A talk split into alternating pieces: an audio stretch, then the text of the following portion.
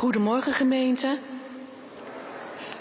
Namens de kerkenraad van de protestantse gemeente in Elst heet ik u allen hartelijk welkom in deze kerkdienst op de derde zondag in de 40 dagen tijd. U hier in de kerk aanwezig of thuis via de livestream of kerkomroep. Een speciaal welkom ook voor gasten en nieuw ingekomenen. De voorganger in deze dienst is dominee Dick Snijders en Dirk Luimers bespeelt het orgel.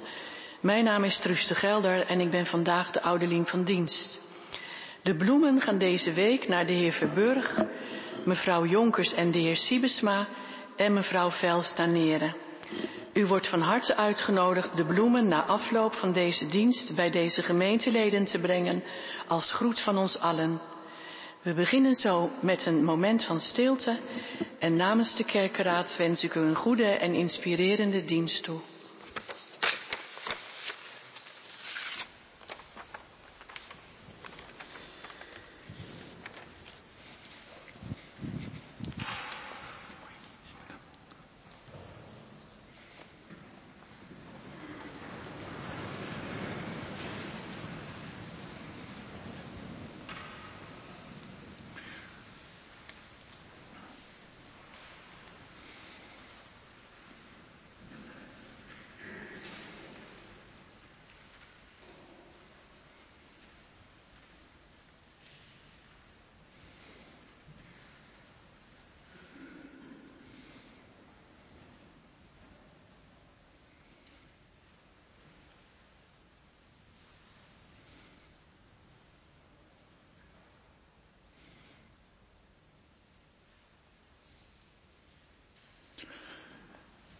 De eeuwige God zal met u zijn.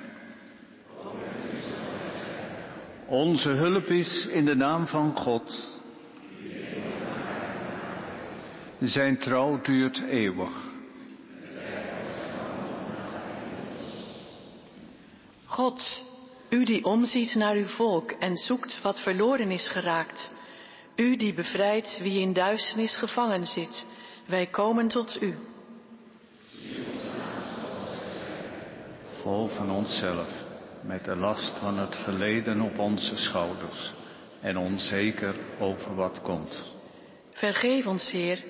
Maak ons tot u mensen, vol van genade. Open ons naar u en naar elkaar, naar uw toekomst. Amen.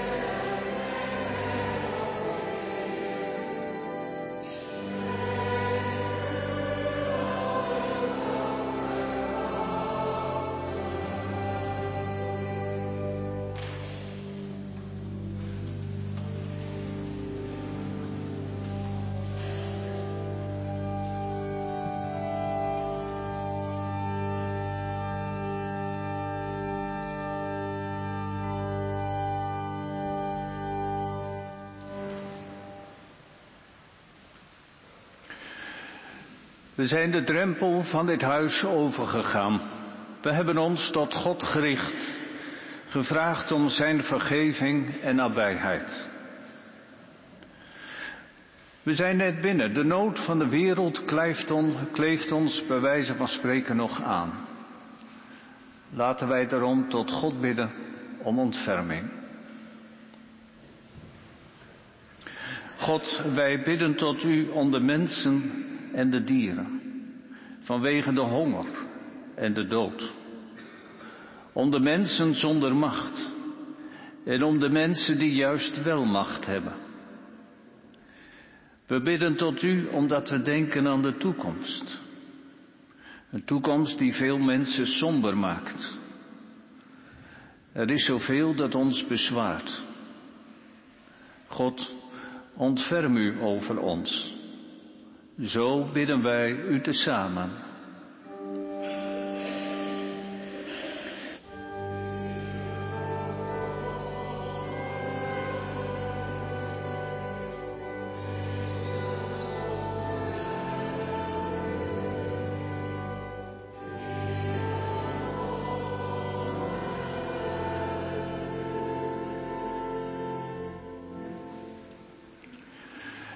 Kinderen mogen nu naar voren komen om te luisteren naar het verhaal over het project van deze weken.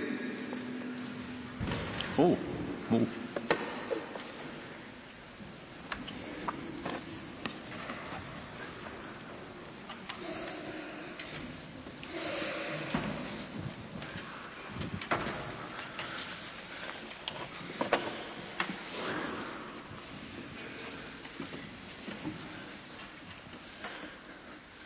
Zo, goeiedag. We gaan weer verder met het uh, project Jezus in Jeruzalem. Nou, dit is een, uh, een beetje een beeld van Jeruzalem in de tijd uh, dat Jezus leefde. Er staan wat huisjes op, grote huizen, kleine huizen, paleizen. De tempel, er is een poort. En we zien hier ook al een berg met kruisen. En een, ja, een open holte in een rots. Vorige week hebben we gelezen dat Jezus naar de tempel ging. En vandaag gaat hij naar een, een groot huis, een huis dat lijkt op dat. En kun je dat aanwijzen in de, op de kaart? Ja? Kom maar. Willemijn? Wijs maar eens aan. Ja, daar staat hij. Nou, zullen we eens tekenen hoe Jezus liep van de tempel naar de Ik dacht vorige week nog, dan kom je nooit met dat touwtje, maar dat touwtje zit aan de dop. Een losse stift. Ja, ik leer bij. Wil jij ook tekenen hoe jij... Kun je erbij? Dat is wel... Uh... Even kijken, ik teken nog even door, want we hebben hem verkeerd laten lopen vorige week. Toen liep de heer heen, maar eigenlijk moest de heer heen, trappetje op.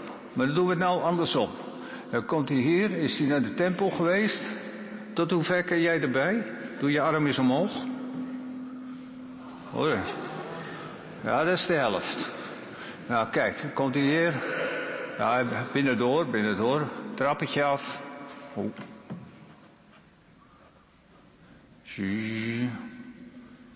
Nou, hierheen. En nou kan jij verder? Ja, denk ik ook wel. Oh, nog even. Oeps.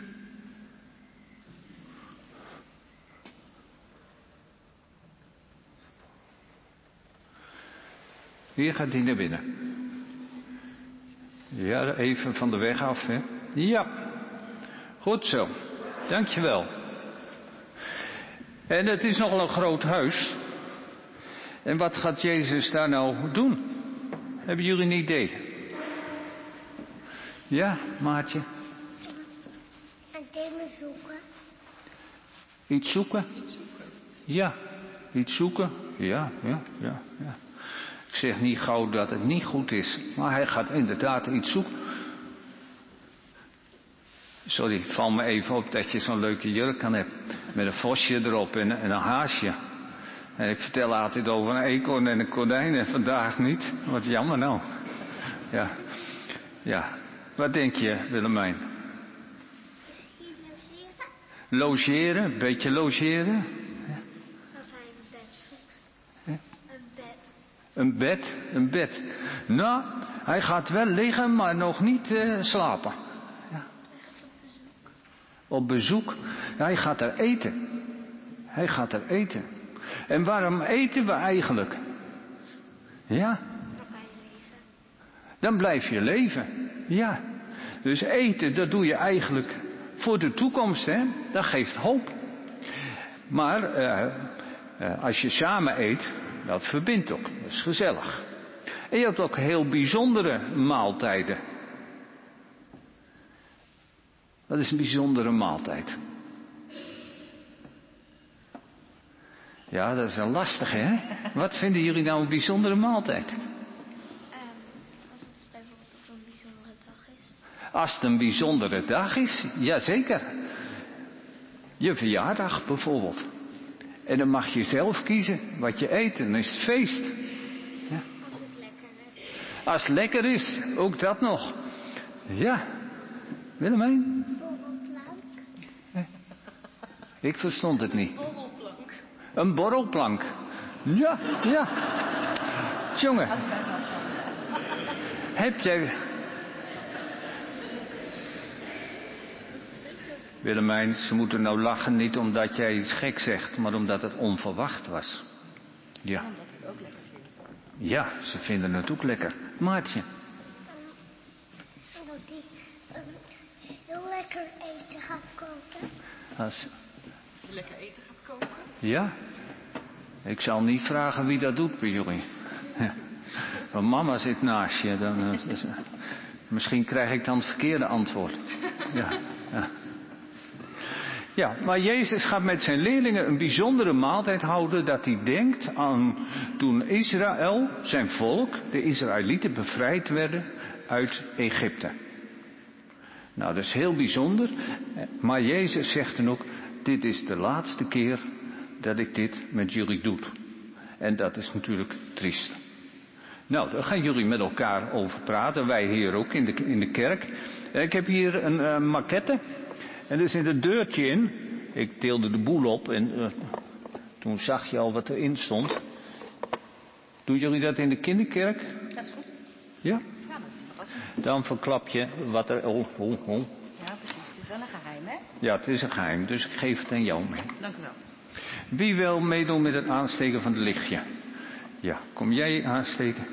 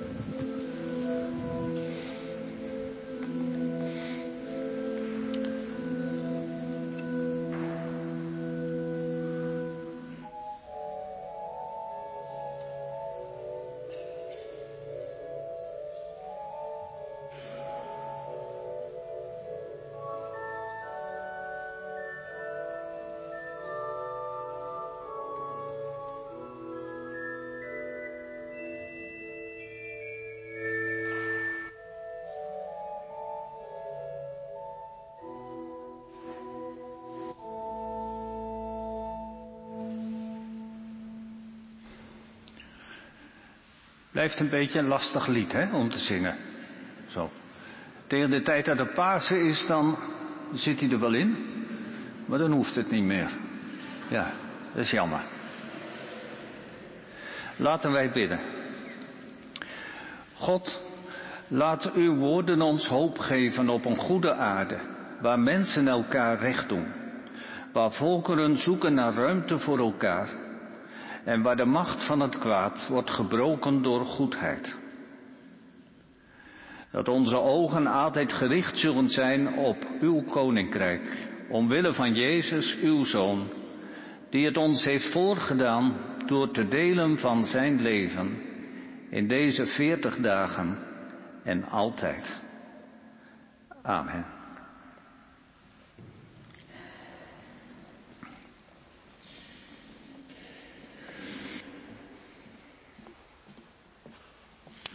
Ik lees u voor Psalm 146. Halleluja. Loof de Heer mijn ziel. De Heer wil ik loven zolang ik leef. Mijn God bezingen zolang ik besta. Vertrouw niet op mensen met macht, op een sterveling bij wie geen redding is. Stokt zijn adem, hij keert terug tot de aarde. Op die dag gaat hij met zijn plannen ten onder. Gelukkig wie de God van Jacob tot hulp heeft, wie zijn hoop vestigt op de Heer zijn God, die hemel en aarde heeft gemaakt, de zee en alles wat daar leeft. Hij die trouw is tot in eeuwigheid, recht doet aan de verdrukten, brood geeft aan de hongerigen. De Heer bevrijdt de gevangenen. De Heer opent de ogen van blinden. De Heer richt de gebogenen op. De Heer heeft de rechtvaardigen lief. De Heer beschermt de vreemdelingen. Wezen en weduwen steunt Hij, maar goddelozen richt Hij te gronden. De Heer is koning tot in eeuwigheid. Je God Sian, van geslacht op geslacht. Halleluja.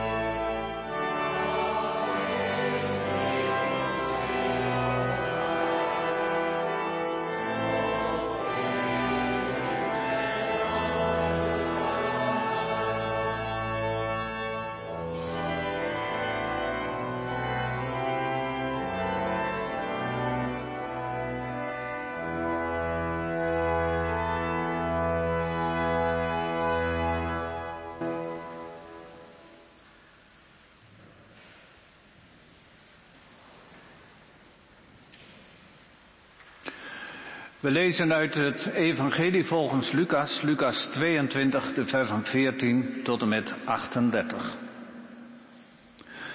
Toen het tijd was, ging Jezus samen met de apostelen aanliggen voor de maaltijd. Hij zei tegen hen, ik heb er hevig naar verlangd dit Pesachmaal met jullie te eten voor de tijd van mijn lijden aanbreekt. Want ik zeg jullie, ik zal geen Pesachmaal meer eten totdat het zijn vervulling heeft gekregen in het koninkrijk van God. Hij nam een beker, sprak het dankgebed uit en zei, neem deze beker en geef hem aan elkaar door. Want ik zeg jullie, vanaf nu zal ik niet meer drinken van de vrucht van de wijnstok, tot het koninkrijk van God gekomen is. En hij nam een brood, sprak het dankgebed uit, brak het brood, deelde het uit en zei, dit is mijn lichaam dat voor jullie gegeven wordt. Doe dit telkens opnieuw om mij te gedenken. Zo nam hij na de maaltijd ook de beker en zei, deze beker die voor jullie wordt uitgegoten, is het nieuwe verbond dat door mijn bloed gesloten wordt. Maar weet wel dat degene die mij zal uitleveren samen met mij aan deze tafel aanligt. Want de mensenzoon moet heen gaan zoals het voor hem bepaald is, maar weet de mens die hem zal uitleveren. Ze vroegen zich onder elkaar af wie van hen zoiets zou kunnen doen. Toen ontstond er onder hen oneenigheid over de vraag wie van hen de belangrijkste was. Jezus zei tegen hen, vorsten oefenen heerschappij uit over de aan hen onderworpen volken. En wie macht heeft, laat zich weldoener noemen. Laat dat bij jullie niet zo zijn. De belangrijkste van jullie moet de minste worden en de leider de dienaar. Want wie is belangrijker, degene die aanligt om te eten of degene die bedient?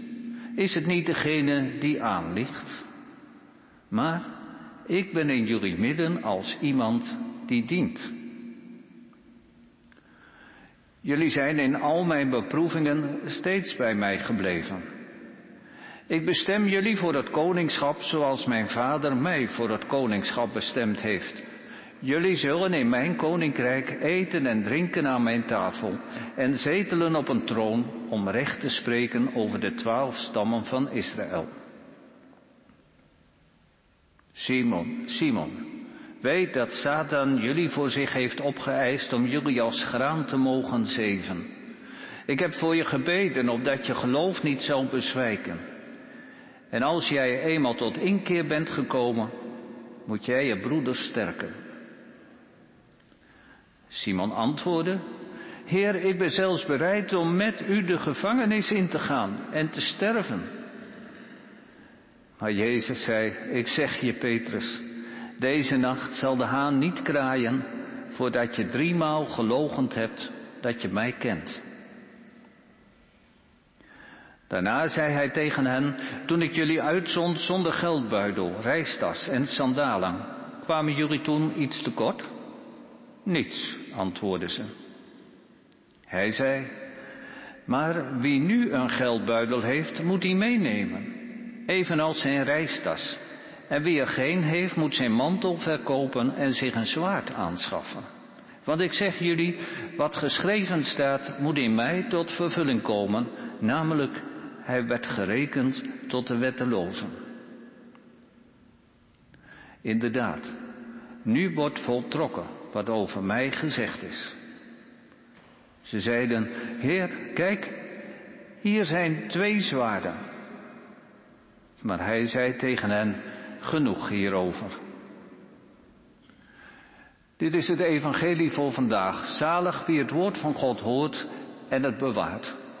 Halleluja.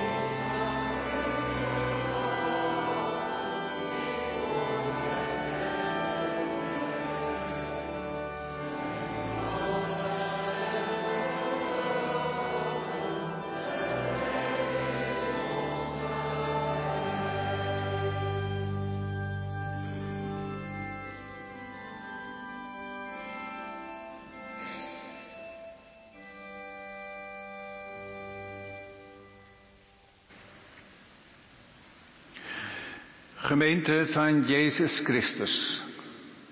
Samen eten is het leven vieren. Samen eten verbroedert.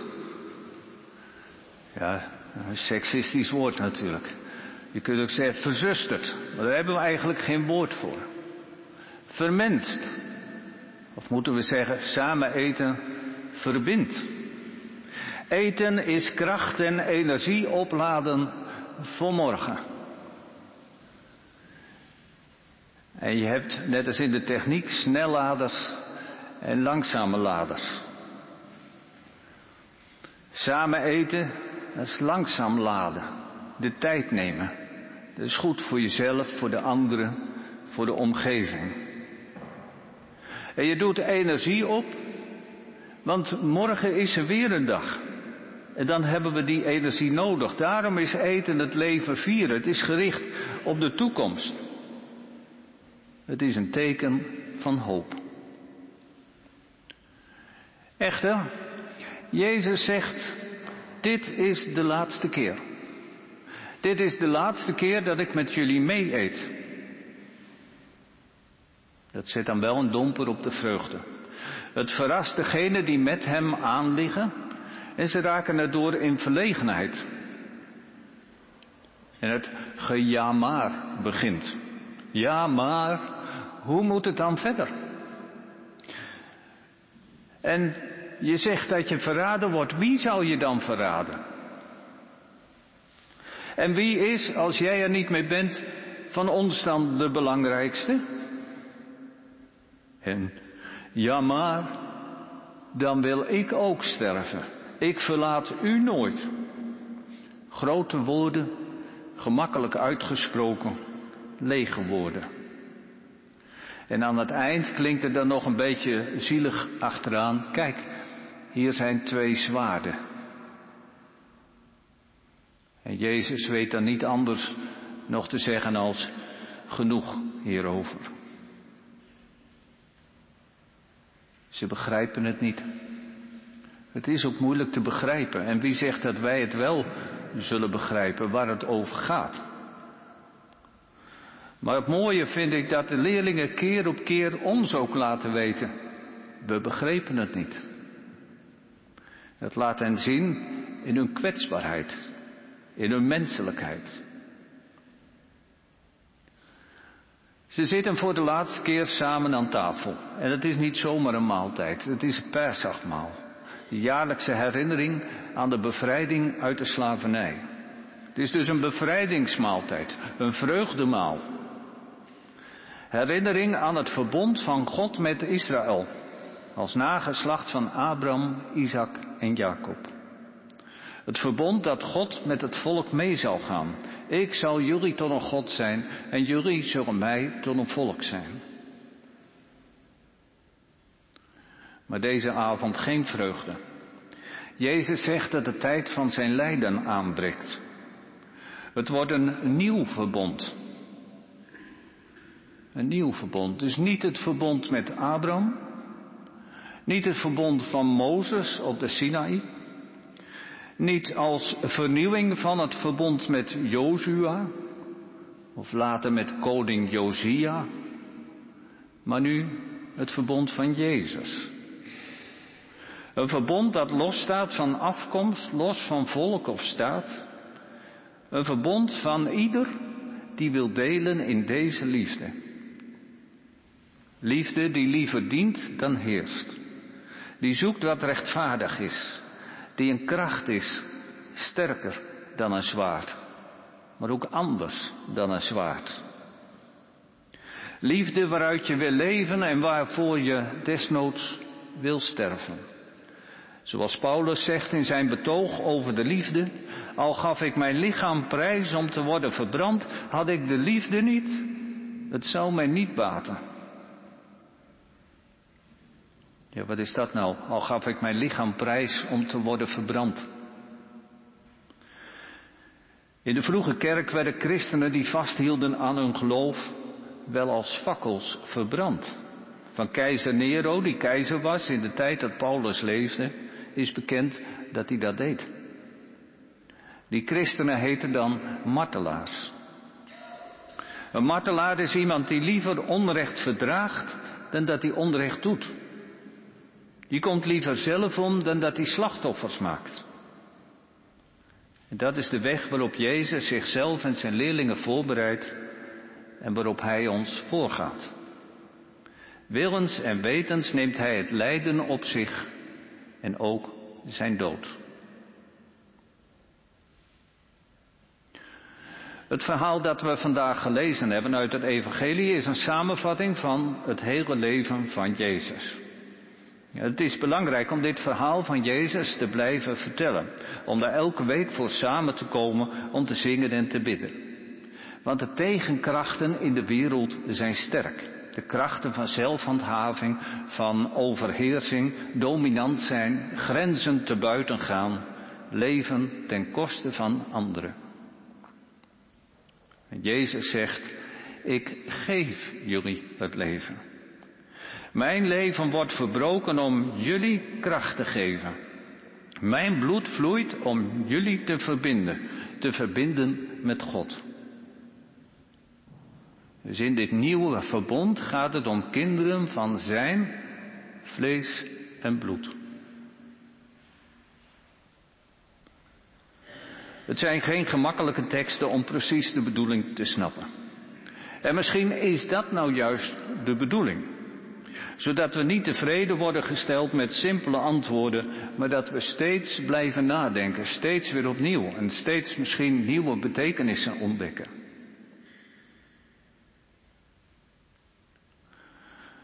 De laatste tijd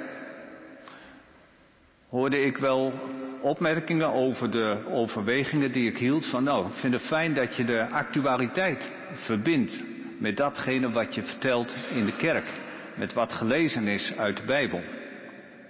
En dan gaat het om gebeurtenissen in de wereld, over politieke ontwikkelingen of uh, strijd, oorlogssituaties. Maar eigenlijk zijn die gebeurtenissen in de wereld de uitzondering. Het meeste gebeurt gewoon bij mensen thuis of op straat, als je elkaar tegenkomt op het werk. En daar heeft het geloof altijd verbinding mee. We lezen deze verhalen en ze hebben altijd verbinding met de moderne tijd. Ook al denken sommige mensen van niet, alsof er nu geen verraad plaatsvindt. Of verlogening, geen pestgedrag. Of wat we nu noemen grensoverschrijdend gedrag. Het botvieren van machtwellust. Gewoon omdat het kan.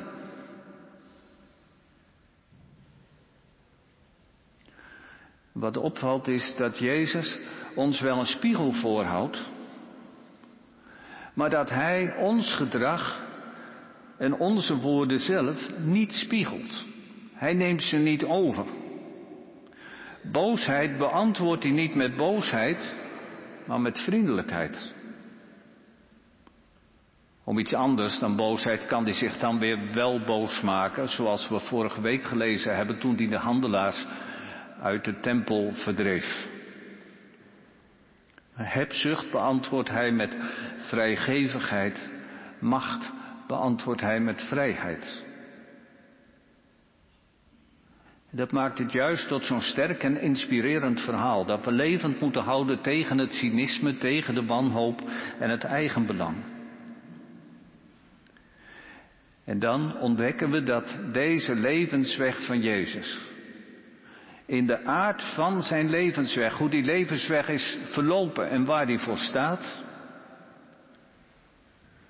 dat het noodzakelijk is. Dat zijn levenseinde onafwendbaar, onvermijdelijk is. Om een passage uit het Evangelie van Johannes te lenen. Als de graankorrel niet in de aarde valt en sterft, blijft hij één graankorrel en draagt hij geen vrucht. Maar als hij in de aarde valt en sterft, draagt hij veel vrucht. Een graankorrel heeft kiemkracht en vitaliteit, is toekomst, is al gericht op eten en drinken. Een toekomst die we delen met velen. En als we dan al die verschillende episodes, die korte stukjes van Jezus lezen, dan zien we in dit verhaal van zijn levenseinde dat hij de enige is die een recht spoor volgt. De enige die zuiver op de graad is. Dat laten al die thema's eromheen ons zien. Alle anderen, of het nou de leerlingen zijn of de fariseërs, de priesters, Judas of Simon, ze tonen zich in een dubbelheid. Een dubbelheid die we zien in de kwaadaardige plannen, in de kus, in het verraad, de wens tot heerschappij en macht, de verloochening. En als Jezus de enige is die een zuiver spoor volgt, de enige die zuiver op de graad is, dan is het ook geen wonder dat we elkaar vertellen dat Jezus opstaat uit de doden. Dat wil zeggen van tussen de doden vandaan. Hij is nu al de enige die staat waar de anderen zijn gevallen. Juist Hij is de levende, de levende voor God, de levende voor de mensen, nu en altijd.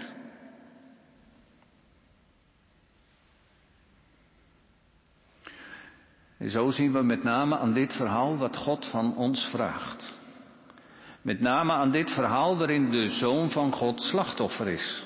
Waarin hij wordt opgeofferd aan enerzijds het fanatisme en anderzijds de lafheid van de mensen.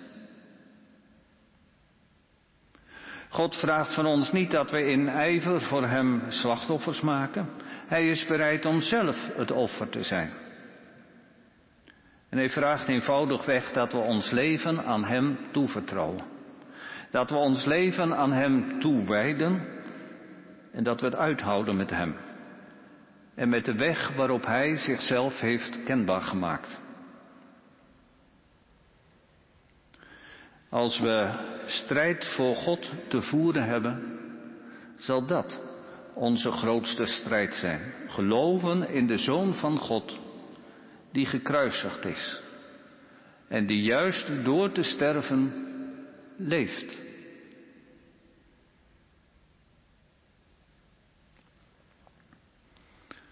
Alles wat al die mensen om Jezus heen ons laten zien,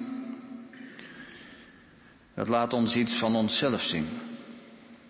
Die hoge priesters en schriftgeleerden, Simon met zijn verloochening, de leerlingen die het zwaard willen trekken, de apostelen die het voor het zeggen willen hebben, en Judas die zijn geliefde rabbi verraadt. Ze zitten allemaal in ons. Jezus laat ons zien dat er veel is om aan te sterven in en aan onszelf.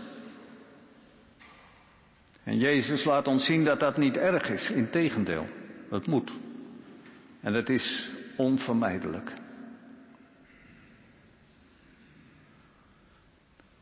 En als ik dan alles op een rij zet, dan ga ik onwillekeurig toch iets van dat verhaal snappen. Of snappen is meer aanvoelen. En merk ik dat ik opnieuw geraakt en geïnspireerd word door het verhaal dat in dat sterven van Jezus, maar ook in mijn afsterven aan mezelf, een nieuw verbond, een nieuw engagement gloort. om het kort te zeggen, opnieuw ben ik geraakt en geïnspireerd door het inzicht dat Jezus juist in zijn sterven overeind blijft, te midden van degenen die hem omringen. En ben ik geraakt en geïnspireerd door het inzicht dat dit sterven nu juist leven is. En laat zijn leven en sterven ons tot zegen zijn. Amen.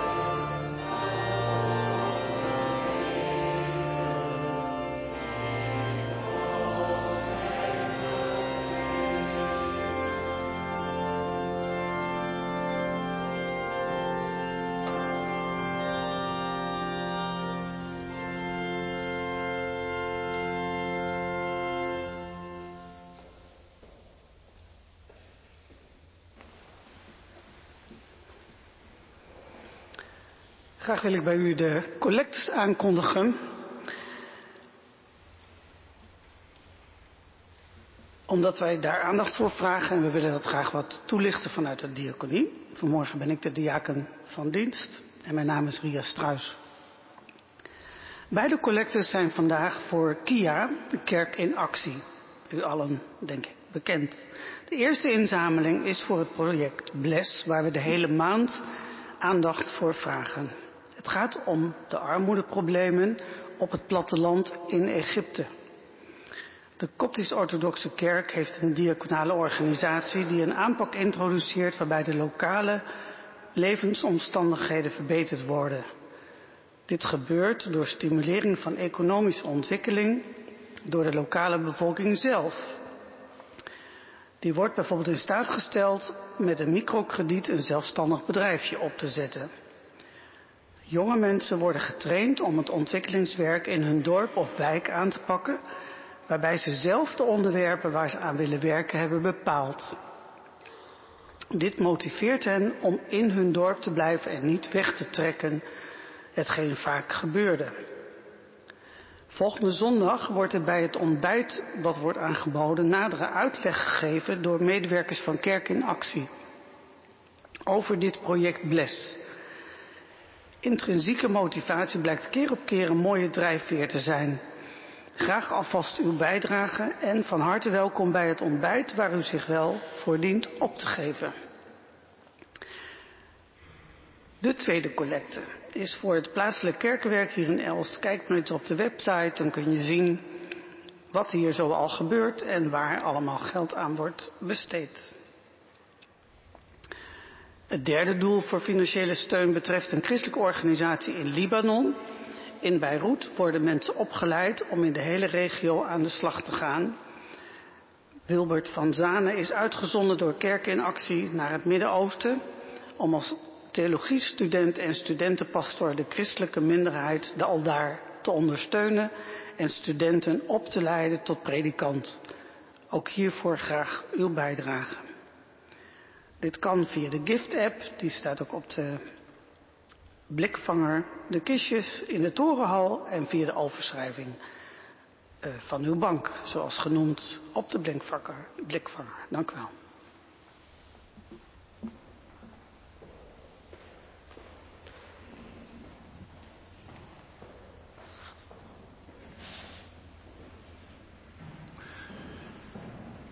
Laten wij danken en bidden. God, wij danken u dat u ons een spiegel voorhoudt. Wij danken u dat u ons leert open te zijn naar de toekomst. Wij danken u dat u uw leven met ons deelt in iets gewoons als brood en wijn. We danken u dat we u mogen kennen als degene die ons leven zal voltooien en die met ons meegaat als we onze zekerheid verliezen. We bidden u voor de kinderen van wie het leven pas begonnen is. Wilt u met hen zijn, met hun ouders, en dat ze voor elkaar tot een zegen zullen zijn en een licht in de wereld. En geef ons allen de bezieling die ook in Jezus was, zodat wij groeien en rijpen tot heil van de mensen en tot heil van de wereld. Zo bidden wij u tezamen.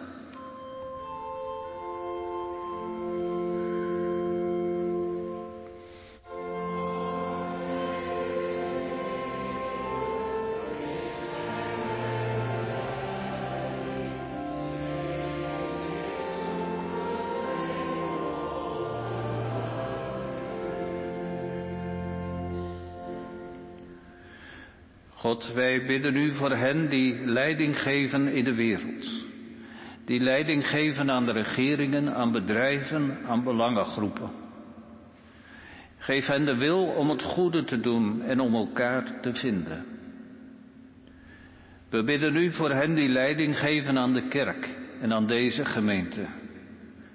Laat ons niet heersen, maar in liefde dienen. Geef ons allen een open oog, open oor en vooral een open hart voor de noden van de mensen. Geef zegen aan het werk van Kerk in Actie. In de opvang en de hulp in Egypte en de opleiding van predikanten voor het Midden-Oosten. Breng ons dichter bij u. Zo bidden wij u tezamen.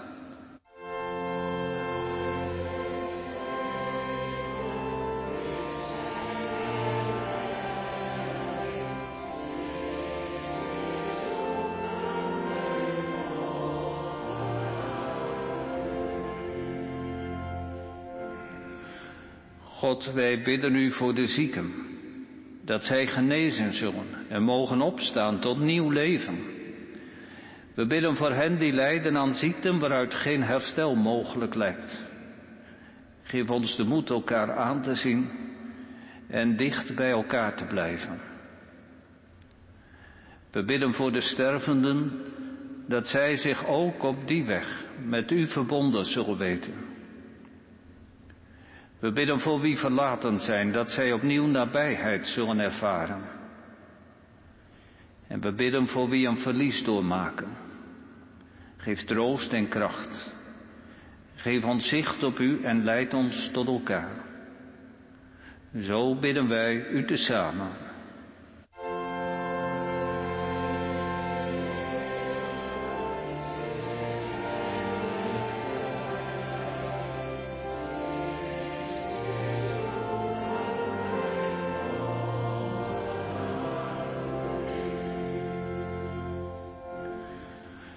God wees met ons en spreek tot ons, nu wij stil zijn.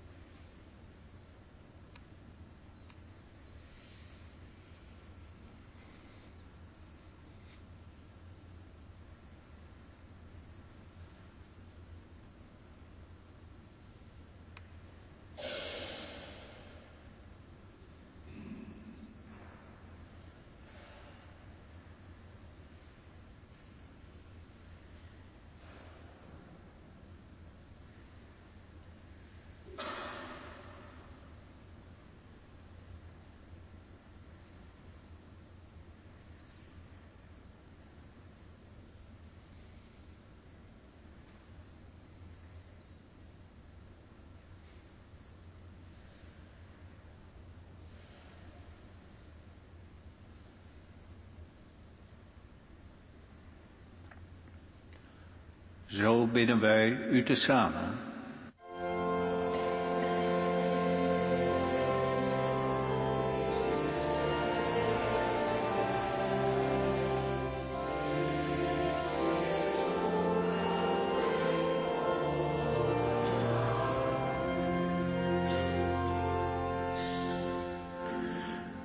En wij bidden, onze Vader in de hemel. Laat uw koninkrijk komen. Laat uw wil gedaan worden, op aarde zoals in de hemel. Geef ons vandaag het brood dat we nodig hebben. Vergeef ons onze schuld, zoals ook wij vergeven wie ons iets schuldig is. En breng ons niet in beproeving, maar red ons van het kwaad. Want behoort het koningschap, de macht en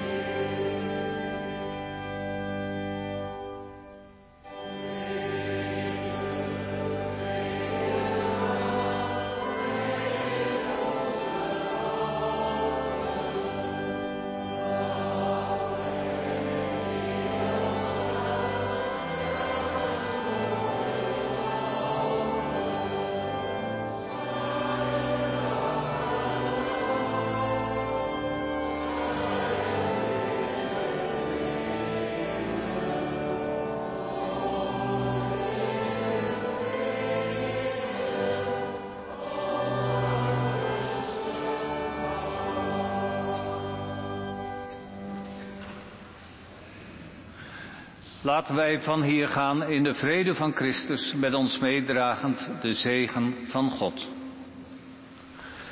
De genade van onze Heer Jezus Christus, de liefde van God en de eenheid met de Heilige Geest zij met u allen.